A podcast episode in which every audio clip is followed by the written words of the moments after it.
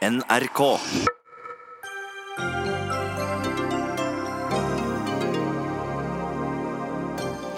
Tre døgn på overtid klarte EU endelig å finne en ny ledelse. Den nye toppsjefen er forsvarsminister, lege, har doktorgrad og sju barn. I tillegg sies det at hun er folkelig. Spis mer pølser og svin i sommer, det vil hjelpe dyrevelferden, sier Senterpartiets Geir Pollestad. Han får eh, svar fra en av kjendisene som har avgitt sitt griseløfte. Mens jorda brenner skal vi i det minste kunne si at vi bygde Bybanen, sier aksjonsgruppa Bergens Mødre. Men vi er også mødre, og vi gjør opprør mot sløsing av skattepenger, svarer Bergens Høyre-kvinner. Og kongekrabben gir millioninntekter i Øst-Finnmark, men de vil ikke at vestfylket skal ta del i den fangsten.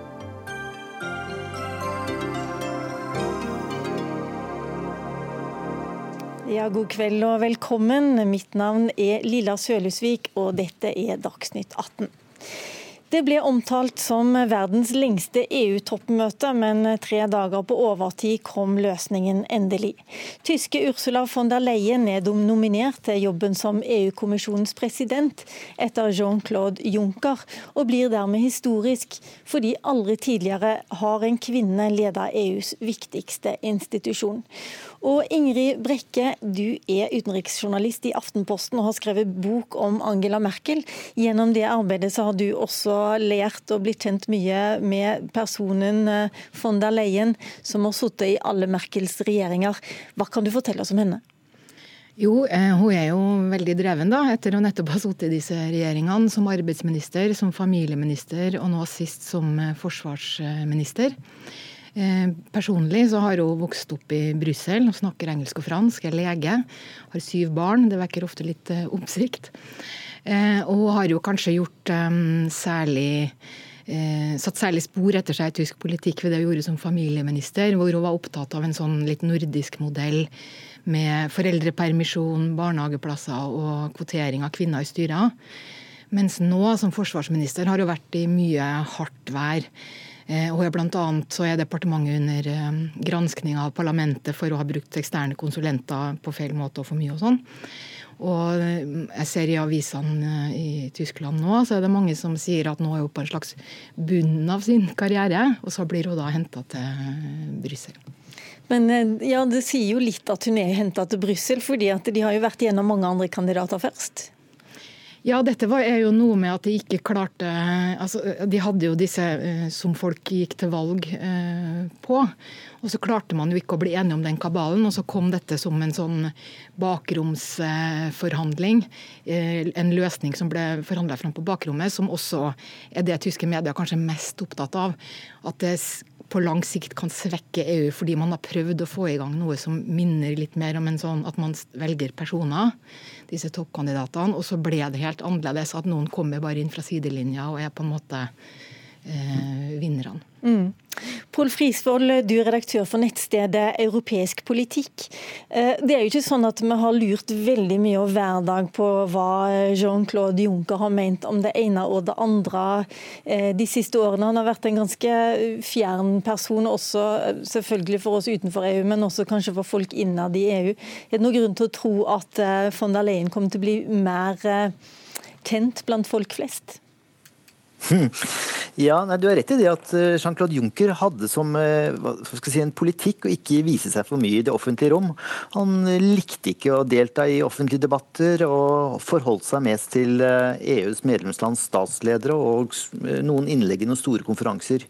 Og Det er jo dette som har gjort at man nå ønsker å gi EU et ansikt. En ting er at kommisjonspresidenten er EUs ansikt til omverdenen, men det er også EUs ansikt til medlemslandene og til folk og den politiske debatten i Europa om alle de utfordringene eh, som Europa står overfor. Og Der tror jeg eh, statslederne har hatt det i minne at de ønsket for det første denne, dette at det endelig skal ha en kvinne som leder, men også en som er som, som, liker og er god til å delta i politiske debatter i det offentlige rom. Uh, Ursula von der Leyen, uh, Leyen jo, er jo en av favorittdeltakerne på tyske talkshow, så vidt jeg skjønner. Så dette er hun vant til, og dette er noe som EU-lederne ønsker. Men har de egentlig leita etter en person som henne, eller er hun valgt fordi hun var det minste felles multiplum akkurat i denne situasjonen? Ja, dette var en vanskelig kabal. EU, altså For fem år siden så tok det jo minst like lenge, da ble de ikke enige før i 15. juli. Men det er klart at verden har endret seg. Uh, kjønnsbalanse var ikke et krav for fem år siden, det var det nå. Så i tillegg til geografisk balanse, politisk respektere det politiske bildet i Europa, uh, så skulle man også uh, finne to kvinner og to, to menn. og så er EU blitt mer synlig. Um, kanskje litt rart å si det i Norge, men i EU-landene så er EU blitt atskillig mer populært. Og i denne mer uforutsigbare verden så er folk opptatt av at EU må ha en sterk stemme, en klar stemme. Og derfor har det vært mer prestisje i debatten denne gangen rundt eh, utnevnelse av disse topplederne. Men eh, det er jo sånn, eh, Øystein Heggen, eh, du er kollega, utenriksmedarbeider her i NRK. Det er jo også sånn at det er ikke helt sikkert at hun blir valgt? Nei, altså, De har jo brutt med, disse EU-lederne, den innarbeidede avtalen som de begynte med i 2014. Eh, da de hadde såkalt spitsenkandidat, det adapterte tyske uttrykket, altså en toppkandidat i eh, parlamentet, som de forskjellige parlamentsgruppene da utpeker sin. Og så skal man da mm, nesten som et nasjonalt parlament eh, finne den personen som har flertall, enten ved eget parti eller med en koalisjon av partier. Så det skal være mer demokratisk. men det har de da brutt med, i og med at eh, alle de som nå lanseres, ingen av de har jo vært på, på disse listene som har blitt nominert av eh, partiene. Så eh, For å ta et eksempel, en Ban Eckhart fra Nederland, en, en grønn politiker i EU-parlamentet, sier at dette er gamle Europa på det verste. Det skjer på, på bakrommet. Så, øh, og så må vi huske at skal hun få det flertallet hun trenger sånn rundt midten av måneden, så er det den store koalisjonen som må stå samlet. Da. Det er det mm, de konservative partiene, eh, kristendemokratiske partiene, og så er det sosialdemokratene. Og så må de ha hjelp. De klarer ikke å få det til alene, så de må ha hjelp enten fra det liberale eller fra det grønne eller fra begge de to. Og det siste poenget som er litt viktig, er jo at det er jo en hemmelig avstemning. Det kan jo dukke opp noen overraskelser. Så 100% tror jeg ikke hun Ursula von der Leyen er. Ingrid Brekke, det er jo sånn at eh, at eh, østeuropeiske land de har ikke fått noen av disse toppjobbene. Har du fått med deg i dag hvor sinna de er på den avgjørelsen? Ja, nei, Tvert imot så er jo de kjempeglade, fordi at de eh, ville jo de hadde egentlig bare ett ønske, og det var at de var veldig imot Frans Timmermans, som er en av disse spitsenkandidatene. Eh, sosialdemokrat som har hatt som sin store sak eh, å kjøre disse mm, prosessene mot Ungarn og Polen og stå hardt på rettsstatsprinsippene. Så de sammen med Italia var liksom sånn han vil vi i hvert fall ikke ha. Og det var jo vel i hvert fall delårsak til at dette, den opprinnelige planen brøt sammen. Da. Så de har jo i hvert fall både Polen og Ungarn har feira på hjemmebane og følt at de har fått veldig gjennomslag.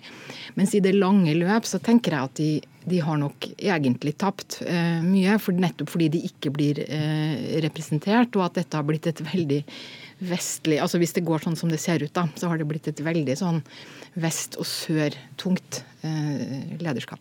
Jeg, registrerer at noe med, med okay. denne spitsenkandidatordningen, for den har jo egentlig aldri blitt institusjonalisert. Det vi ser er en rivalisering mellom parlamentet og ministerrådet, hvor eh, Europaparlamentet i forrige runde forsøkte å ta litt innersving for å legge premissene for hvem statslederne kunne velge ut. Det fungerte forrige gang, som ble på riktig, riktig påpekt her, for da var det et, et klart flertall i parlamentet. Men det er det altså ikke denne gangen, og de kandidatene har jo også vært ganske kontroversielle. Så dette er eh, typisk EU-krangling eh, e mellom landene og mellom institusjonene. Jeg holdt på å gi ordet til Heggen her, for jeg lurer på om han deler den analysen om, om Øst-Europa, hva som skjer med dem? Ja, eh, vi har vel et eksempel her. Zoltan Kovac er vel en talsmann for den ungarske regjeringen. Han sa vel i dag at vi behøver ikke være med der for å ha fått innflytelse. Det er jo akkurat det du sier. At de var så sinte på Timmermans, som har stått på og på og på for å for å kritisere og gjøre noe med disse endringene i rettssystemet, bl.a. i de østlige og tidligere østeuropeiske landene og trusler mot demokratiet. Så han har på en måte stått på på vegne av EU som viseleder av, av, av, EU. Og de var redd for å få han. Og Noe av raseriet man registrerer i de sosialdemokratiske gruppa, er nettopp at han ikke ble valgt. Mm. Der er det glødende sinne pga. det. Men da lurer jeg jo på Frisvold, om, eh, om Daleien og de andre i toppledelsen i EU kommer til å være mildere stemt overfor eh, eventuelle menneskerettighetsbrudd i Øst-Europa? Ja, nå er dette blitt en sak som går for domstolen også, da, og domstolen har kommet med en, eh, en, kjenning ganske nylig. Så den saken kommer til å rulle og gå en stund til, ja. Jeg tror nok ikke de landene det gjelder, Polen og særlig Polen og Ungarn, blir kvitt denne problemstillingen, selv om de er blitt kvitt Timmermans. Så vil jo også Timmermans eh, være en del av den nye kommisjonen, så vi får se hvilken rolle han får der. Mm. Hvor overraskende var det at eh, franske Christine Lagarde ble nominert til å lede den, den europeiske sentralbanken? Ja, Det var i grunnen det som var, den, det, som var det viktigste valget. og øh, fordi det, det, er jo en klar forskjell i holdningen til hvilken rolle den europeiske sentralbanken skal ha. Mens tyskerne av historiske årsaker, men også av sitt lynne, er mer opptatt av disiplin og fokus på å holde inflasjonen nede, så har jo Mario, Mario Draghi, som er dagens president, uh, hatt en helt annen uh, tilnærming. Han har vært veldig sjenerøs med å pøse ut kapital i markedet, gi bankene likviditet, få dem til å låne mer. Og det er jo den låne ut mer, og det er jo den rollen som Frankrike ønsker at uh, europeiske sentralbanken skal spille. slik at at Macron fikk eh, sin kandidat, eh, Christine Lagarde, det er ganske oppsiktsvekkende. Også fordi at hun ikke har noe særlig erfaring i en sentralbank. Hun har riktignok vært finansminister og sjef for IMF, men hun er først og fremst en forretningsadvokat. Men hun er helt klart av den samme holdningen til europeisk eh, pengepolitikk som den franske presidenten. Hjertelig takk for det, Pål Frisvold, du er redaktør for nettstedet Europeisk politikk. Takk også til deg, Ingrid Brekke, utenriksjournalist i Aftenposten, og Øystein Heggen, samme i NRK. Dagsnytt 18 alle hverdager kl 18.00 på NRK P2 og NRK2. Hjelp grisen ved å gi ditt griseløfte. Da lover du å prøve en sommer uten grisekjøtt. Ja, denne oppfordringen kommer fra Nettverk for dyrs frihet. Til nå har 1000 mennesker takka ja til å holde seg unna svinekjøtt i sommer, og de har fått mye oppmerksomhet. Men flere har også reagert på at eh, mange av kjendisene som har skrevet under, er veganere og vegetarianere som aldri kunne tenke seg å spise kjøtt i sommer uansett. Oppropet for dyrevelferd dyrevelferd kom altså etter Brennpunkt-dokumentaren 'Griseindustriens hemmeligheter'. Og vi kan jo gjenta for dem som har glemt, eventuelt vært veldig langt borte på ferie, at eh, der ble det avdekka en gris som ble kastrert med en sløv skalpell, syke griser som ikke blir avliva, og griser som blir sparka. Hanne Sørvåg, du er artist og er en av de kjente navnene som står på lista i dette oppropet. Hvorfor har du som i utgangspunktet er veganer valgt å delta i kampanjen? Eh, jeg vil bare vise at jeg støtter denne kampanjen til at de som spiser kjøtt, eh, kan redusere det forbruket i sommer etter at de avsløringene kom ut. Og Grunnen til at jeg er veganer, er jo nettopp det innholdet som er i denne dokumentaren. Så det er jo bare det at jeg har tatt valget litt før dette kom ut, til at alle kunne se hvordan det faktisk pågår der ute. Men skjønner du at noen kanskje føler seg litt lurt uansett? For eh, du hadde vel ikke tenkt å spise så mye kjøtt i sommer? Men jeg har aldri sagt at jeg er med på dette fordi at jeg lover å ikke spise kjøtt. Jeg støtter denne kampanjen, og det er derfor jeg har valgt å skrive under på den og si at det er en bra kampanje. Hva er målet deres? Målet vårt? Ja. Med å være med på kampanjen? Ja. Nei, det er jo å øh, vise til eh, at det er mulig å redusere dyrs lidelse med at eh, man reduserer sitt forbruk av kjøtt. Og hvis jeg eh, var en del av den industrien, så ville jeg heller følt meg lurt av kjøttindustrien, som har skjult disse tilstandene for forbrukeren. Hva for noen reaksjoner har du fått etter at det ble kjent at du skrev under? Eh, jeg har fått egentlig veldig positive reaksjoner av alle de som jeg kjenner som har sett den dokumentaren. Eh, og de har absolutt sagt at de har lyst til å spise mindre kjøtt i sommer. For det, jeg tror kanskje at det er litt vanskelig å ikke la det gå litt inn på seg, hvis man faktisk bidrar til en industri som driver på på den måten. Takk skal du ha, artist Hanne Sørvåg. Jeg vender meg til deg. Geir Pollestad, eh, stortingsrepresentant for Senterpartiet. Du var ikke blant dem som kom med positive reaksjoner. Tvert imot så har du karakterisert denne aksjonen som parodisk og latterlig. Kan du utdype hva som er latterlig her? Jeg er jo enig i at det som kom fram på dokumentaren, det var uakseptable forhold. Det må det ryddes opp i. Men eh, så eh, syns jeg jo det er litt artig eller spesielt at veganere lover at en ikke skal spise kjøtt, eh, når de ikke gjør det i utgangspunktet. Så dermed skal vi overse det, er det du sier? Nei, men det, det, er jo en trussel som er litt eh, spesiell. Eh, det som er langt mer alvorlig enn en hva valg noen kjendiser velger å ta når det gjelder sine matvaner, det er jo at en boikott vil ramme uskyldige bønder. Det vil gjøre, Hvis, hvis en boikott virker, så vil jo prisene som bonden får betalt, synke. Og Det går jo an å tro at uh, en hjelper dyra ved å svekke bondens økonomi. Det tror ikke jeg på. Jeg tror at denne kampanjen virker stikk i strid med sin hensikt. Så skal en gjøre noe for grisebøndene, sånn at en kan rydde opp i bransjen, som en er i gang med. Ja, Da mener jeg at da bør en fyre grillen og legge noen pølser og noen nakkekoteletter på med god samvittighet. Sirin Stav, du er i Miljøpartiet De Grønne fra Oslo. og Sammen med eh, lederen din, Une Bastholm, så er dere med på å støtte dette oppropet. Nå, du, nei, nå hører du her at Pollestad mener at det virker helt mot sin hensikt.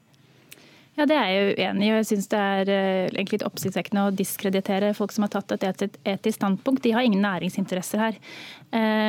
Det er veldig mange av oss som ble opprørt over det vi så i denne Brennpunkt-dokumentaren. Og det tydeliggjør at billig kjøtt eh, har en høy pris for dyra eh, og for bøndene eh, i landbruket. Og eh, at det, det, tvinger dem til en uansvarlig drift. Og dette er ikke nødvendigvis enkelttilfeller. Det er i hvert fall ikke nødvendigvis bare lovbrudd. For det vi ser er konsekvenser av et system av en landbrukspolitikk over mange tiår, som også Sp må ta ansvar for, eh, men spesielt nåværende regjering, som legger opp til et uforsvarlig eh, dyrehold. Men kanskje jeg bare får spørre deg, Det er vel ganske, ganske enkelt å finne 1000 mennesker som skriver under, hvis man spør alle vegetarianere og, og veganere i landet? Eh, ja, Nå har ikke jeg tall på hvor mange, mange, som er vegetarianere og veganere, men uh, dette er helt legitim uh, forbrukermakt og et, en reaksjon på noe som mange opplever som uverdig og vil ta avstand fra. Og Det syns jeg egentlig at istedenfor Eh, det fremstår som at Pollestad er litt i trassalderen når han påstår han vil eh, spise en pølse per underskrift. Altså, ærlig talt, Det er, det er barnslig oppførsel fra en eh, stortingsrepresentant, må jeg si. Men her er det, her er noen som ønsker å Oi, Men la oss høre, Har du tenkt å spise 1000 pølser i sommer? Det er hvor mange det blir når Det kommer litt an på hvor god grillsesongen blir. Men jeg mener virkelig at det å nå straffe alle de dyktige svinebøndene som er har i landet, fordi at uh, har, De eksemplene som kom fram, er jo jeg også helt enig i at det var lovbrudd. Det skal fylles opp av Mattilsynet og politi. Det er vi enige om. Men det finnes så mange flinke bønder som er så glad i dyra sine, og som gjør en så god jobb eh, at de bør vi ikke straffe gjennom en boikottaksjon. Men du sier jo tvert imot at man bør spise mer eh, svin og pølser i sommer? Ja, Hvis vi sørger for at vi spiser like mye som vi produserer, så vil bonden få bedre betalt. Vil få en anstendig pris for svinekjøttet som produseres. Og det produseres i Norge under vilkår som er langt bedre enn i våre naboland og i EU spesielt. Men er det og Det er viktig å understreke at det er sånn, eller det vil også bli sånn i framtida, at kravet til dyrevelferd vil bli skjerpa gradvis.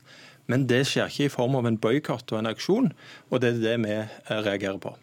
Når det er en ting som skaper endring, er det jo når folk tar, eh, hever stemmen og eh, velger å bruke sin forbrukermakt eh, til å påvirke både politikere og næringsliv i den retningen de ønsker. Og det, dette må vi ønske velkommen, fordi det, vi vet jo alle at konsekvensene av et høyt, skyhøyt kjøttforbruk det er store både for dyra, men også for miljøet og for, for folkehelsa. Vi var jo i debatt her i januar om IT-rapporten.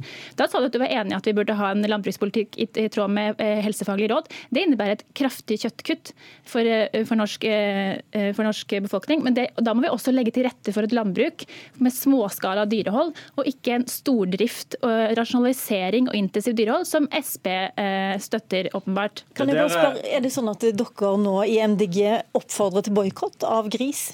Som parti har ikke vi tatt stilling til, eh, til, den kampanjen. Dette er noe Une Bastholm, som er vår stortingsrepresentant, og, og jeg personlig syns er positivt. Fordi vi vet at vi er nødt, alle helse- og miljøfaglige råd sier at vi må redusere kjøttkonsumet. Og i, dette er en, en, sunn reaksjon på en melding til at dette er et system til politikere hovedsakelig. Dette er ikke retta mot enkeltbønder.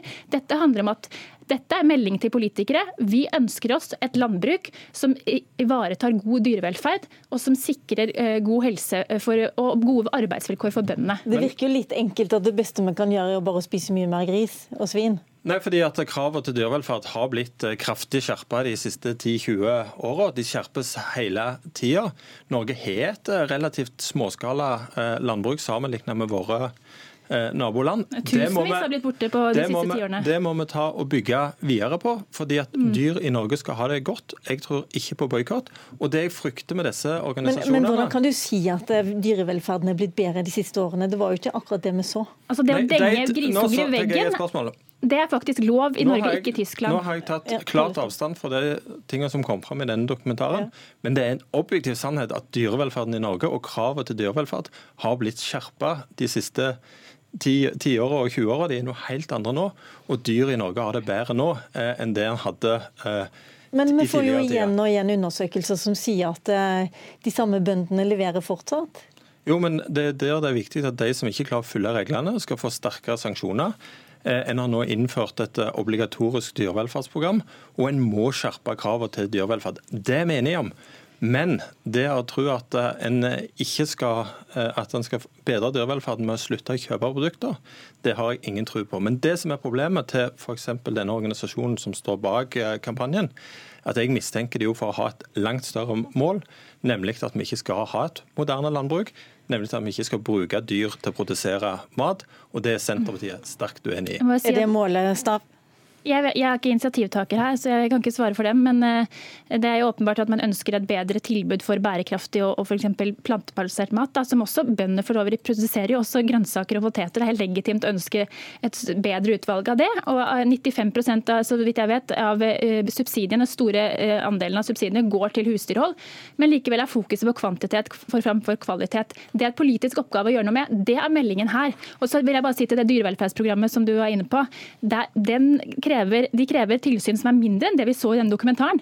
Det, det som har kommet fra regjeringa nå, er å prøve å lappe på noe, et system som ikke fungerer for dyra, og for, for miljøet og for mennesker. Den, det er det vi må gjøre noe med. Den debatten må vi nesten ta når regjeringen er til stede. Det var det ikke i denne sammenhengen. Men takk til deg, Geir Pollestad, stortingsrepresentant for Senterpartiet, og til deg, Sirin Stav, kandidat for Oslo bystyre for MDG.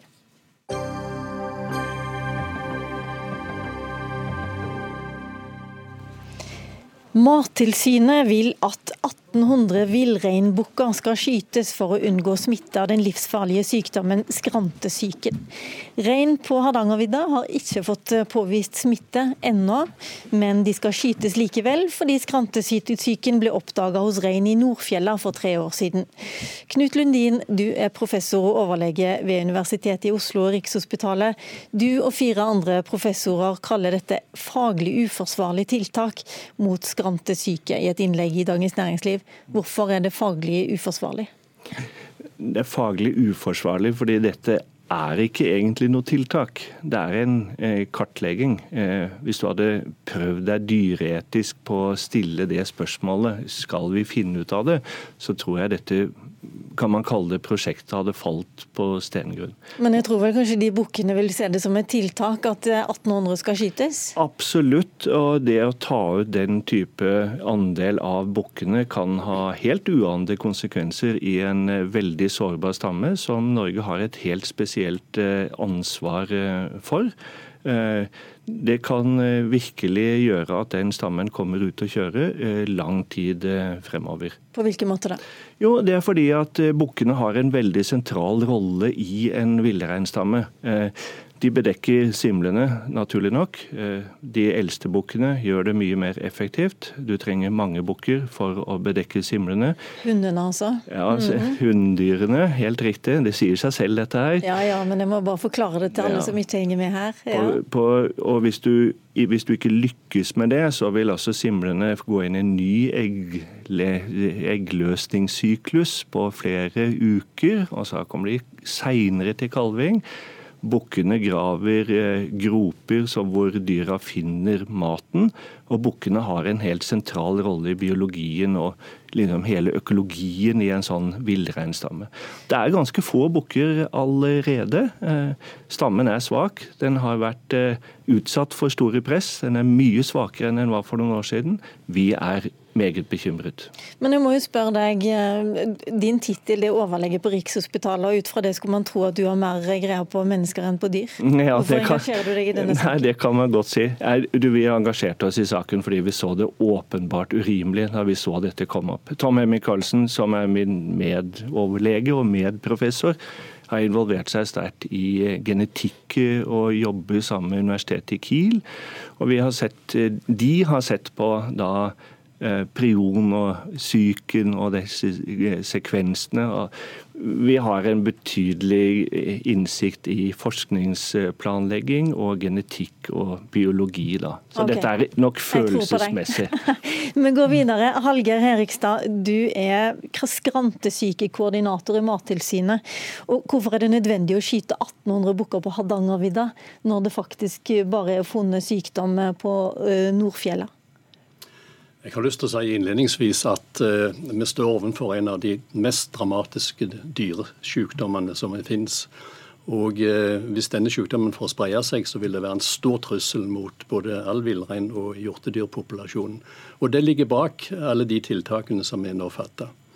Når du sier å skyte 1800 dyr, dette er snakk om å ta ut dyr under den normale jakta nå i høst. Det er ikke noe tilsvarende som det vi gjorde i Nordfjella, der vi tok ut eh, et stort antall dyr fordi at der hadde vi påvist smitte. Her er det snakk om å ta ut dyr eh, for å sjekke hvorvidt smitten finnes på Hardangervidda. Og Veterinærinstituttet de har beregna hvor mange dyr som trengs. Men dette er veldig for skadelig for stammen, hører du her? Ja, det hører de sier, men våre forvaltningseksperter, sånn som Veterinærinstituttet, sånn som Vitenskapskomiteen, sånn som eh, NINA, de mener at dette vil være forsvarlig. Det vil ha noen midlertidige konsekvenser, men det vil være forsvarlig. Og Vi er i en situasjon der vi står overfor en så dramatisk sykdom, og da mener vi at vi må akseptere noen midlertidige ulemper men heller ikke fra vår side er det snakk om å ødelegge en stamme. Det er snakk om å akseptere noe midlertidighet.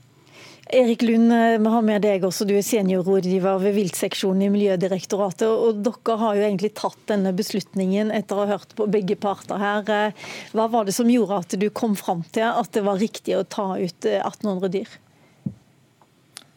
La oss først si at Det er jo riktig som ble sagt innledningsvis, det her er en kartlegging. Og eh, det her med bestanden på Hardangervidda det er jo en lokal forvaltning gjennom villreinutvalg, som da er rettighetshaverne sitt eget organ, som gjør en fantastisk jobb hvert år med å skaffe oversikt over hva man har, hvordan man skal tilrettelegge for å få et ønska uttak. Men altså, jeg skjønner ikke helt, Dere snakker begge to om kartlegging, men kartlegging betyr vel å ta ut eller å skyte, som vanlige folk vil si, 1800 dyr. Du, du kan ikke kartlegge mm -hmm. de tilbake, på en måte? Nei da, og det er helt riktig. Men så er det også riktig som, som Herikstad er inne på her, at det her er en ordinær jakt med en litt spesiell kvote. Og Den kvoten er da kommet fram ved at eh, den lokale forvaltninga har gjort en, en, god jobb, som de gjør hvert år, med å se på hva er det vi må ta ut, ut ifra de modellene som da Veterinærinstituttet har lagt til grunn for å få en raskest mulig bekreftelse på at den stammen her faktisk ikke er syk. Og eh, de her 1800 dyrene er jo da beregna ut ifra at man eh, ved en god jakt skal greie å få til det. Og så høres det veldig dramatisk ut når den totale kvoten da er satt til 6000. Men det er erfaringstall som tilsier at i beste fall så greier man rundt 25% av den kvoten. Knut Lundin, jeg har en inntrykk av at du ikke blir beroliget av disse svarene? Nei, overhodet ikke. Eh, det er ikke snakk om ordinær eh, jakt. De som er reinjegere, og det er både Tom Hemming og meg og andre som vi også har alliert oss med, vi vet det at å skyte så mange bukker, det er vanskelig. Eh, man ønsker å starte tidlig. Det er en betydelig stressfaktor for dyrene det blir en helt spesiell form for jakt å ta ut så mange dyr. En stress på stammen som jeg syns man bagatelliserer. Eh, dette er ikke vanlig eh, jakt. Eh, noen har sagt at det kan være fare for skadeskyting. Selvsagt oppfører jegerne seg fornuftig. Men dette er jo ikke bare noe som vi reagerer på. Dette er massevis av jegere, forvaltere, naturfolk rundt omkring i Hardangervidda som reagerer sterkt på dette opplegget. Herikstad i Mattilsynet, er det i det hele tatt mulig å ta ut 1800 i løpet av en sesong? Eh, ja, det kan godt hende. Det er òg et spørsmål om lasergjørlighet, Jakt er vanskelig, det har noe med vær å, gjøre og forskjellig. Så. Men jeg har lyst til å si at det er mye fokus på de 1800. Mattilsynet har sagt at 1800 er det vi trenger hvis vi skal ta ut alt på ett år. Men det er òg et alternativ at vi kan ta ut det nødvendige antall dyr som vi trenger for med 90 sannsynlighet å si at det ikke er smitte til stede på Hardangervidda. Det kan vi ta over to jaktsesonger. Vil det bedre det, Lundin? Og Da vil det, er det snakk om å ta ut ca. 2300 dyr over to sesonger. Det er jo et langt mindre antall dyr per jaktsesong. Er det bedre å ta ut eh, flere dyr, men over to sesonger? Vi har sagt at eh, La, la, meg også si at alle jegere på Hardangervidda, alle som skyter reinsdyr, de sender inn prøver. Vi har mange mange, mange prøver på Hardangervidda eh, allerede samlet inn jegere. Det er ikke funnet ett eh, tilfelle. Det som er merkelig med denne debatten, er jo det at de som promoterer denne skytingen, klarer ikke å si hvilke følger skal det få.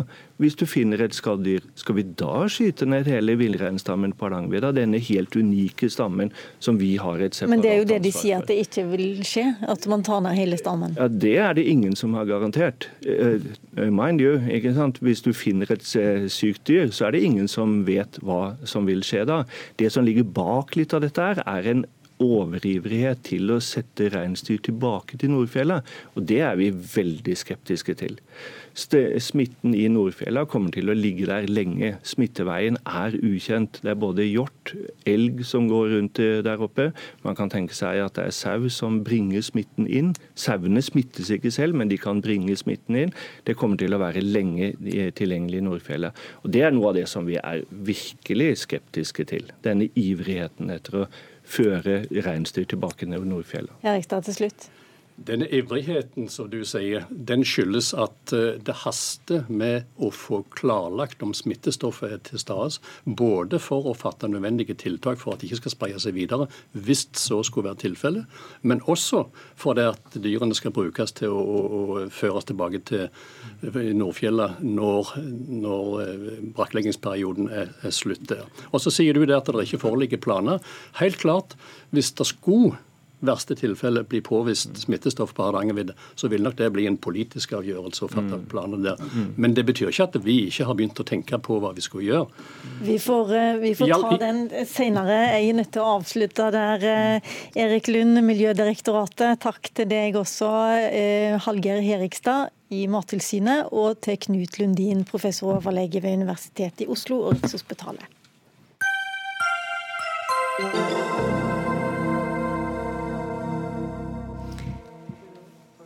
En ny bybane må bli vårt bidrag for å hindre en verden i brann. Det sier mødre i Bergen, som har danna en egen aksjonsgruppe for å bygge lengre bybane. Men eh, vi er også mødre, svarer kvinner i Bergen Høyre. De advarer mot sløsing av skattepenger for framtidige bergensere. Og begge er med oss fra Bergen nå. Marianne Aanerud, du er bybaneaksjonist i gruppa Bergens Mødre. Hvorfor trenger Bergens barn mer eh, bybane i Bergen? Vi trenger mer bybane i Bergen fordi at barna våre de streiker for klimaet. Og det var vedtatt å bygge Bybanen til Åsane eh, på bystyremøtet den 31.1.2018. Og Høyre var med på det vedtaket, og alle var glade. Vi feira i Ytre Sandviken, og det var god stemning. Nå har det kommet nye politiske aktører på banen som begynner å rasle med sablene og har fått Høyre med på å snu i bybanesaken. Så vi i Bergens Mødre og vi i E39 ut av Ytre Sandviken, vi frykter at valget til høsten kommer til å bli et valg for eller mot bybane. Og vi vil være tydelige for barna våre og si det at bybanen til Åsane, den vil vi ha. Da dere starta denne aksjonen, så var det først og fremst et opprør mot eh, bompengeaksjonister, var det ikke det? Nei, det var det ikke. Det, vi er for Bybanen, og det er det som er vårt anliggende. Å diskutere penger og slå tall i hodene på hverandre, det kan man gjøre. Men vi er opptatt av at vi er befolkningen, og vi ønsker å peke ut en retning. Vi ønsker å gi beskjed om hvor vi vil, og da vil vi si at bybane til Åsane, det vil vi ha. Ok. Martin Leirvåg, bystyrekandidat i Høyre. Etter at eh, denne første aksjonsgruppa kom eh, ut, så har dere i, i, eh, i Bergen Høyre også sagt at vi er mødre, og vi er opptatt av at skattepengene ikke skal sløses bort. Hva mener du med det? Vi er også mødre, og jeg er også mor og er bekymret for gjeldsveksten til Bergen kommune. Det handler ikke om at Høyre har gått for et standpunkt eh, på Bybanen, men det handler om at eh, vi har en høy gjeld i bompengeringen i dag, og den er vi nødt til å betjene. Det er den kommunen vi skal gi eh, videre til våre barn. Og jeg tror at vi som står her, og alle partiene, er enige om at vårt fremste mål det er å skape god byluft og en by som er bærekraftig for framtida. Det er ikke bærekraftig å videreføre den gjelden som eh, ligger der i dag, og la den vokse uten at en har en plan for hvordan en skal betjene den gjelden. Men hva er dette her greiene med at dere er mødre? Kan ikke fedre mene det samme, eh, andre grupper i samfunnet? Hvorfor har det blitt en sånn mødreaksjon, kan jeg spørre deg først, Ånerud? Jo, det er fordi at det, eh, er fritt fram for å lage eh, fedre for Bergen og tanter og onkler for Bergen eh, og for Bybane, alle sammen. Men vi syns ikke det at eh, mødrenes stemme kommer så tydelig fram, og det vil vi fram til. Fordi at, for å understreke det at det er barna våre vi kjemper for, og det er barna våre sin by vi kjemper for. Men vil du si da at Marte Lervåg ikke kjemper for barna sine, som ikke er helt enig med, det, med deg? Nei, det vil jeg ikke si. Jeg, hun, alle mødre vil kjempe for sine barn. Men vi Bergens mødre vil fokusere på andre ting enn det, f.eks. For gjelden. Fordi vi mener at vi har ikke råd til å rygge inn i framtida på firefelts motorveier, og ikke prioritere en bærekraftig transportutvikling i Bergen, sånn som Bybanen eh, gjør. Det går et sår utover Ytre Sandviken med en firefelts motorvei som forurenser. Det er masse kø, det er ikke effektiv transport. Og hvis vi skal prioritere sånn som Høyre sier, at vi nå sparer penger, så vil vi spare oss til fant. Det er sånn at Bybanen den genererer penger. For hver krone du investerer i Bybanen, så uh, sier arkitektene det at du vil generere 15-20 kroner i næringsliv. Uh, sånn at vi er ikke vi er rett og slett ikke enig i det som, Bergens, som Høyres mødre fokuserer på når de sier at eh, eh, vi bare overlater gjeld. La meg spørre Høyres mødre, har dere ombestemt dere? Dere har jo faktisk i bystyret i Bergen stemt for bybane til Åsane. Det vi har sagt er at vi skal bygge Bybanen helt til Spelhaugen. Nå stopper Bybanen eh, til Fyllingsdalen på Oasen. Det er ett stopp eh, tidligere enn det som var planlagt, pga. at det mangler penger til å bygge hele veien.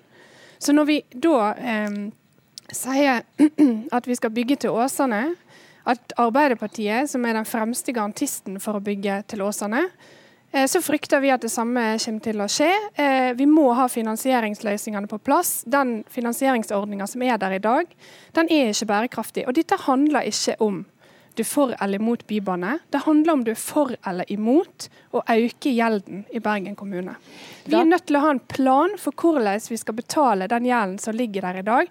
Og når vi tar på oss ny gjeld, så må vi også ha en plan for hvordan vi skal betale de pengene. Det kan, det være, lurt for, penger, det kan være lurt for framtidige generasjoner å tenke på pengene, Ånerud? Ja, det er klart det kan være det. Men vi mener jo nå at Høyre sparer eh, ved å gå inn for en dårligere eh, løsning, nemlig disse såkalte superbussene. Som er det samme som å kjøpe et billig telt istedenfor å bygge hus. Fordi at Hvis vi sparer på den, eh, hvis vi ikke får en gjennomgående bybanetrasé, så vil vi heller ikke få full effekt ut av nei, sørgående bybane. Og vil vi gå glipp av den i utjevningen av byutviklingen som vi vil ha hvis vi får bybane også til nord. Med et effektivt gjennomgående bybanenett så slipper vi å ha to forskjellige systemer. Hvis vi nå vi har begynt Bybanen og vi har en plan for finansiering, bygginga er effektiv og den er kostnadseffektiv, den har ikke sprukket budsjettene. Hvis vi fortsetter den, så får vi enda mer ut av de investeringene vi har gjort. Hvis vi begynner på et by, sånn superbussystem à la Trondheim, så vil vi Det vil koste litt mindre, men ikke være fullt så godt. Lervåg skal få svare på det med bybussene. Ja. Altså, det Høyre eh, har programfesta er to ting. Vi skal bygge til Spelhaugen. Ikke, altså Nå stopper eh, bybaneutbyggingen på Åsen. Og vi skal regulere til Åsane. Og så er det sånn at eh, vi er nødt til å sikre at vi har en, eh, en, finansieringsløsning som står seg, og at vi har penger til å bygge.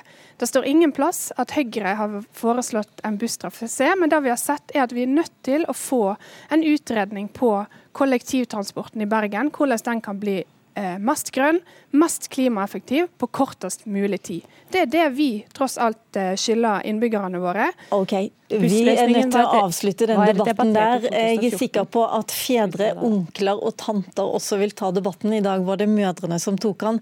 Takk til Marte Leirvåg, bystyrekandidat fra Høyre, og Blandi, også um, representant for Høyre-mødrene. Og Marianne Aanerud, bybaneaksjonist og Bergens Mødreaksjonist også. Hør Dagsnytt 18 når du vil. Radio NRK Radio.nrk.no.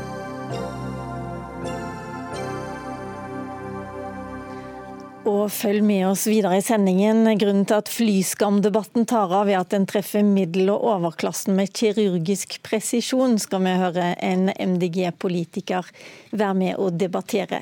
Men eh, først så skal vi snakke om kongekrabben.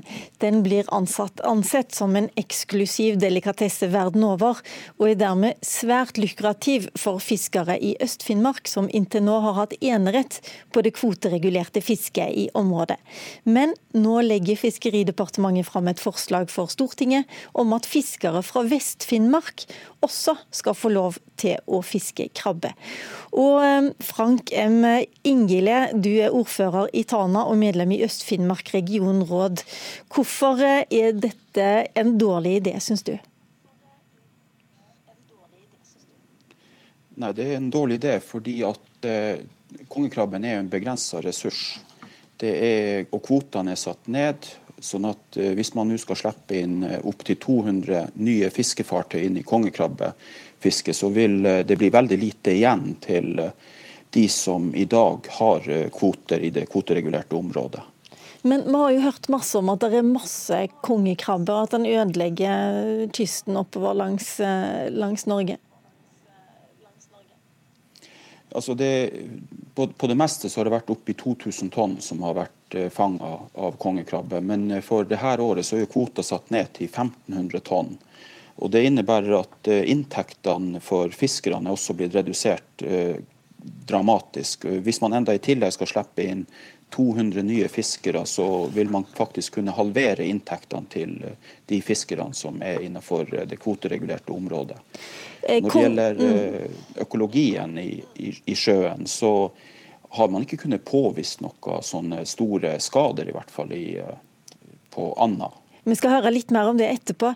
Men kongekrabbeklør det koster akkurat nå 790 kroner per kilo, har vi funnet ut i butikken i dag. Det har ikke noe med at eh, dette er penger som dere gjerne vil ha for dere sjøl?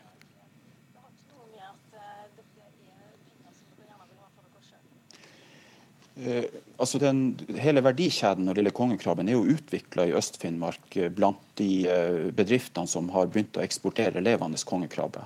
Sånn at, uh, og På den måten så har man klart å få veldig høyt betalt for kongekrabben. Fiskerne får, har fått i gjennomsnitt 175 kroner kiloet for kongekrabben i, i fjor. Hva det blir i år, det vet jeg ikke sikkert. Men så det er ikke fiskerne som får det? mm. det er ikke plass til alle som måtte ønske å det er ikke plass til alle som måtte ønske å fiske kongekrabbe innenfor det regulerte området. Og på, Hvis man fortsetter den her med at man skal ha flere og flere fiskere som skal fiske kongekrabbe, så må man til slutt ta ut noen. og Erfaringsmessig så tar man ut de minste fartøyene. og Det kommer til å ramme Øst-Finnmark veldig hardt. Ok, Jon Atle Bjørnø, du er leder i Sørøy Loppa Fiskarlag. Nå hører du at der det er ikke plass til så veldig mange flere. Det er ikke eh, tilrådelig at dere i Vest-Finnmark også får lov til å fange denne kongekrabben? Ja, det er jo der, eh, der vi i Vest-Finnmark selvfølgelig er sterkt uenige med, med de i øst. For det som vi ser i Vest-Finnmark nå, som vi er, er veldig veldig bekymra for, det er jo den utviklinga Eh, som skjer i vest i forhold til øst, der vi vi mista eh, fiskefartøy, vi mista fiskere. Eh, kystsamfunn eh, sliter allerede med å overleve i dag. Og, eh, og eh, det er jo ikke snakk om 200 fartøy. altså På papir er det snakk om 179 fartøy som kan slippe inn fra de fem siste kommunene i vest, som i dag ikke får lov å være med.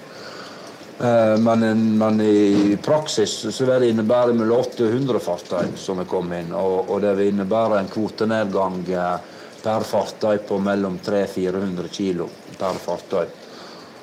Per i dag, og, og det er jo en, ja. en ting. Så jeg vil si til Ingel òg, som må tenke på det, at, at i de fartøyene som, som da kommer inn fra vest, de vil jo da gå østover eh, med alle de ringvirkningene det medfører Øst-Finnmark. De vil levere der, de vil eh, proviantere der, de vil bruke verkstedtjenester der, de vil bunkre der. Og legge igjen en masse Det er jo ikke bare snakk om kvoter, men de vil legge igjen en masse penger i i lokale ringvirkninger for de små kystsamfunnene i Øst-Finnmark. Har ikke du tenkt så, på det, Ingile? Kanskje vi bare spør han om det? At eh, her er det mye å tjene også for Øst-Finnmark, hvis dere åpner opp for at flere får eh, være med? Det er en forsinkelse på linja her, hører jeg. Nei, altså Vi kommer ikke til å tjene på det noe i Øst-Finnmark. fordi at det, Man kommer ikke til å tjene noe på det fordi at Eh, det at det blir flere som fisker på den samme begrensa ressursen, det kommer bare til å gjøre at de som bor i Øst-Finnmark får mindre igjen. Og jeg vil nevne at uh, I 2018 så var en hel kongekrabbekvote 3070 kilo. For uh, 2019 så er kvota satt ned til 1940. Og Hvis da man skal slippe inn fiskere fra Vest-Finnmark, så er man nødt til å sette kvota ned til 1400 kilo for en hel kongekrabbekvote. Og da, da begynner det å bli veldig lite igjen til, til, de som skal være igjen. Og Så kan man jo stille spørsmål om ja, hvorfor skal man ikke da slippe fiskerne fra Nord-Troms og fra Senja. De har jo også hatt en veldig negativ utvikling i forhold til fiskerisida. Det, det, er rett og slett ikke plass til, til, til alle. Ok, Vi må ha med oss eh, også Pia Vedalen, du er marinbiolog og faglig leder i Passion for Ocean. Vi har jo hørt at kongekrabben nærmest ligger, legger kysten død, så jeg ble egentlig litt overraska i dag når jeg hørte at det er bare Øst-Finnmark som driver kommersiell fangst. Er det for lite av eh, kongekrabben nå? Nei, det er absolutt ikke for lite kongekrabbe. Det er det ikke. Um, og det er ikke helt riktig det som ble sagt om at det ikke har noen negativ påvirkning. Allerede i 2010 så, så man at hele fjorder ble eller store bunnsamfunn forsvant pga. kongekrabben. Men når det er sagt, så kan vi ikke peke på bare den som årsak til at eh, store kystområder i nord er borte. Så vi mennesker har en god finger med det spillet der. Men hvorfor er det bare Øst-Finnmark som eh, får lov til å fange, vet du det? det nok, eh, her er det nok mer politikk enn biologi involvert i de store avgjørelsene. Og det er også for så vidt veldig forståelig. Det er mye penger inn det her, og det er en viss Russland-Norge ja, si balanse som skal ivaretas her. Men vest for Nordkapp, altså streken, så er det fritt frem. Um, og det er fordi man ikke vil ha spredning av dyra vestover og sørover derfra. Og det har jo det skjedd, men sånn i fiskerisammenheng, så vidt jeg har forstått det, så er det i gåsehudene ingenting vest for Nordkapp. Um, hvis det var svar på spørsmålet ditt. Hvor ettertrakta er kongekrabben nå rent kommersielt? Det er jo blodige høye priser, i hvert fall i Oslo-butikkene. Ja, nei, det her er jo mer sånn Jeg spiser jo stort sett ting jeg fanger sjøl, så jeg går ikke så ofte i fiskeforretningen. Så det er nesten fiskerne fiskerne svarer bedre enn meg på. Men det er jo en eh, luksusvare. Og det er også en av grunnene til at jeg forstår at man vil begrense det litt for å holde prisene høye. Det er en lukrativ business, selv om ikke halvparten av det kommer tilbake til fiskerne, som egentlig er de som faktisk fortjener det. Det er en helt annen diskusjon. Men det er et ekstremt godt kjøtt. Um, og ja, det er jo noe litt eh, hva skal jeg kalle det, eksotisk for oss her nede i sør. Fiskeriministeren har altså sagt ja til at Vest-Finnmark skal fange kongekrabbe. Han kunne ikke komme i Dagsnytt 18 i dag, men forslaget skal først på høring i Stortinget. og Da lurer jeg jo på Jon Atle Bjørnø i eh, Sørøy og Loppa Fiskarlag. Hva kommer dere til å gjøre overfor Stortinget og for lokalpolitikere for å påvirke dem? Sørøy Loppa Fiskarlag eh, skal være i front i denne saken. her, og Vi skal, vi skal kjempe med nebb og klør eh, Eh, for en rett som vi mener vi i vest eh, eh, har like mye som, som de i øst. Og, og, og, det ser jo vi i vest òg nå at, at vi òg er jo begynt å bli ille plaga med krabbe. I bruket etter rognkjeksfiske nå så får vi mye krabbe. Stor, voksen hokrabbe full i rogn. Og det er jo et tegn på at krabbene er begynt å etablere seg sterkt i vest òg.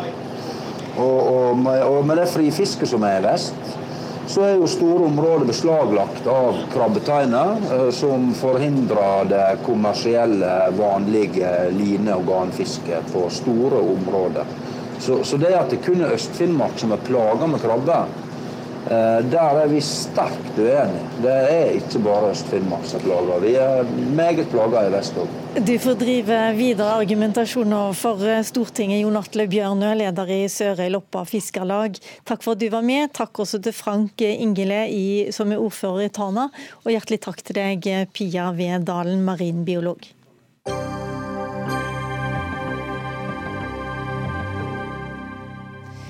Vi skal snakke om skam igjen, og det er flyskam denne gangen. Det var statsministeren som satte fyr på debatten i Politisk kvarter sist fredag. Ja, jeg flyr på ferie i sommer, eh, og eh, det gjør jeg egentlig helt uten flyskam. Jeg, jeg, jeg, jeg, tror det er viktig at vi også tenker over at vi skal nå klimamålene våre på andre måter enn grunn til å ha dårlig samvittighet for at vi nyter, oss, nyter en ferie. Og dette forsvaret for å fly, som statsministeren starta, og som bl.a. Aftenposten fortsatte, skyldes at de på papiret er miljøengasjert, men de vil ikke gi fra seg sine langvikender i Europa, eller de mange flyturene som følger med å ha en viktig jobb på kontor og å kunne reise på konferanser og teambuilding i fjerne verdensdeler. Den salven kommer fra deg, Eivind Tredal, du er bystyremedlem fra Miljøpartiet De Grønne. Er det middelklassen og overklassen som skal skamme seg mest, syns du?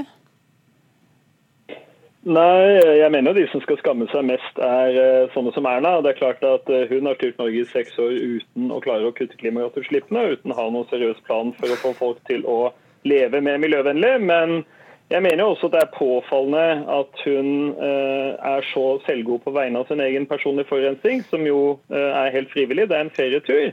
I Norge og i verden i dag så har vi hatt et klimaopprør bl.a. fra ungdommen, med en leder som Greta Thunberg, som reiser med tog overalt, og samtidig skaper en flott bevegelse for klimaet.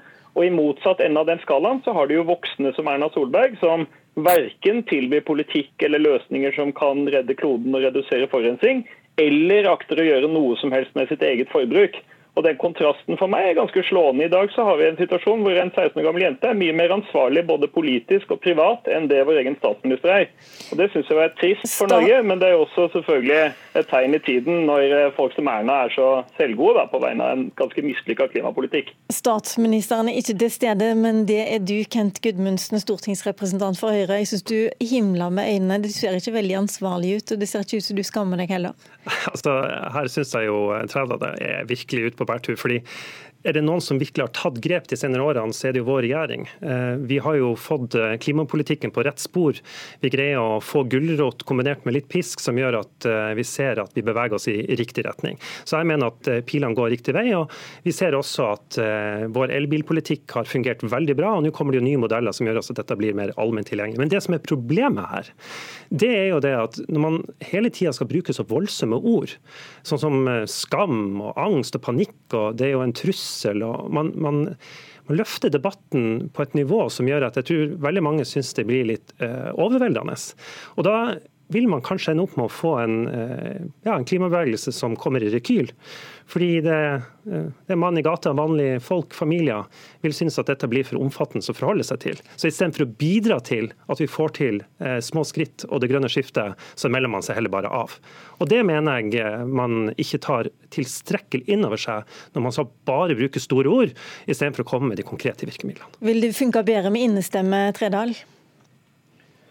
Ja, altså, vi har kommet med konkrete virkemidler. Vi lanserte jo en plan om å styrke nattogtilbudet i Norge og i utlandet fra MDG rett før sommerferien. og Det stemte hele opposisjonen for, og det stemte Høyre og de borgerlige mot, fordi de ikke ønsker å styrke togtrafikken eller langtogtilbudet i Norge. Men så er det viktig her å si utslippene går opp, og klimamålene blir ikke nådd. Så det er altså bare sprøyt å påstå at Norge i dag er på rett vei. Her har regjeringa forkasta målet vårt for 2020, det snakker de ikke om lenger, klimamålet. Og vi har ingen politikk for å nå klimamålet for 2030. sånn at Men altså, nå er dere på vei inn i en debatt om er økte klimagassutslipp. Og jeg vil bare påpeke at når klimagassutslippene øker, da er ikke tiden inne for Høyre til å sitte og klamre sine perlekjeder og engste seg over ordbruken fra klimaaktivister. Men, da er Tredal, deres jobb å komme med klimapolitikk som fungerer. Fordi at dere er i ferd med å gå inn i en debatt om hvem som har gjort hva og stemt for, eh, for hva. Mens denne debatten handler vel litt om hva du og meg og du også eh, skal kunne gjøre for å bidra. Og da er jo spørsmålet hvor nyttig er det å snakke om flyskam? Tredal? Ja. Hvor, hvor, hvor viktig ja, er det å snakke, å om, om flyskap? Eh, og jeg er mest opptatt av ansvar. Eh, du er mer opptatt av å snakke om ansvar, men i den kronikken din så sto det Men jeg mener det er viktig å snakke om personlig ansvar og politisk eh, Ja, og for å fullføre setningen både politisk ansvar og det jeg og mange andre føler, en kombinasjon av dårlig samvittighet over det forbruk vi har som ikke er forurensende, og stolthet over å kunne gjøre ting som er miljøvennlig. Eh, og Personlig så er jeg opptatt av å snakke litt om begge deler. Både at flyreiser er den enkelttingen vanlige nordmenn kan kutte som gir størst CO2-effekt. Det å kutte en flyreise er noe av det aller beste du kan gjøre for å kutte CO2. Og så dernest at det å spre glede og stolthet over å leve miljøvennlig er en veldig god måte å bygge opp under endring politisk. For det er klart at som Greta Thunberg sier, du kan ikke enten ha individuell endring eller politisk endring. De to tingene henger sammen. Politikken endrer seg når folk flest blir med på en endring. Og da, og da lurer jeg på, Gudmundsen. Riktig, og det Høyre bidrar med her, det er jo ja, jeg må avbryte deg. Gudmundsen, Det er liksom forsinkelser på alle disse linjene rundt omkring i landet akkurat i dag. Men eh, Gudmundsen, det er vel også litt sånn at det, hvis vi skal gjøre noe med dette klima, denne store klimatrusselen, så må hver av oss bidra? Ja, det er klart at eh, Alle må jo tenke gjennom eh, hvordan man best mulig kan gjøre det. og Vi har jo støtta opp under det med sterk politikk, bl.a. Eh, Enova som bidrar til at flere tar vannbåren varme i huset sitt, at vi har elbiler som kjører istedenfor fossildrevne. Og hver og en av oss kan tenke gjennom på om kanskje det er fint å feriere også i Norge, istedenfor å fly lengst mulig unna. Men, Men det vil du si med en mild stemme, du vil ikke påføre noen skam? Ja, fordi at Poenget mitt er det at det er jo nettopp gjennom sånne typer virkemidler den massive togsatsinga for øvrig som vi gjør, som, som, jeg mener er med på å gjøre det lettere å både reise med tog, men også den eh, kollektivsatsinga vi gjør, som gjør at det er lettere å reise med kollektivtransport, det ser vi jo i tall. Stadig flere tar bussen, stadig flere reiser kollektivt. Det er positivt. Og Det er jo fordi at vi tar mange skritt eh, framover i riktig retning. Og så eh, mener jeg at hvis vi skal i denne debatten om det grønne skiftet eller, har fokus på dette med skam og angst, og sånn, så er vi med på egentlig Eh, skaper kanskje en motreaksjon der ute som gjør at veldig mange melder seg ut istedenfor å bidra på disse små måtene. Kanskje du skal heller bruke mer tid på å bruke det andre ordet som du lanserte i kronikken din, togkry, eh, Tredal. Det får du faktisk ikke tid til å kommentere, fordi at tida vår er ute her i Dagsnytt 18 i dag. Hjertelig takk til deg, Eivind Tredal, bystyremedlem i Miljøpartiet De Grønne. Takk også til Kent Gudmundsen, som er stortingsrepresentant for Høyre. Da rekker jeg faktisk bare å si at ansvarlig for denne sendingen har vært Odd Nytrøen. Og Frode Thorshaug har vært teknisk ansvarlig. Mitt navn er Lilla Sølhusvik.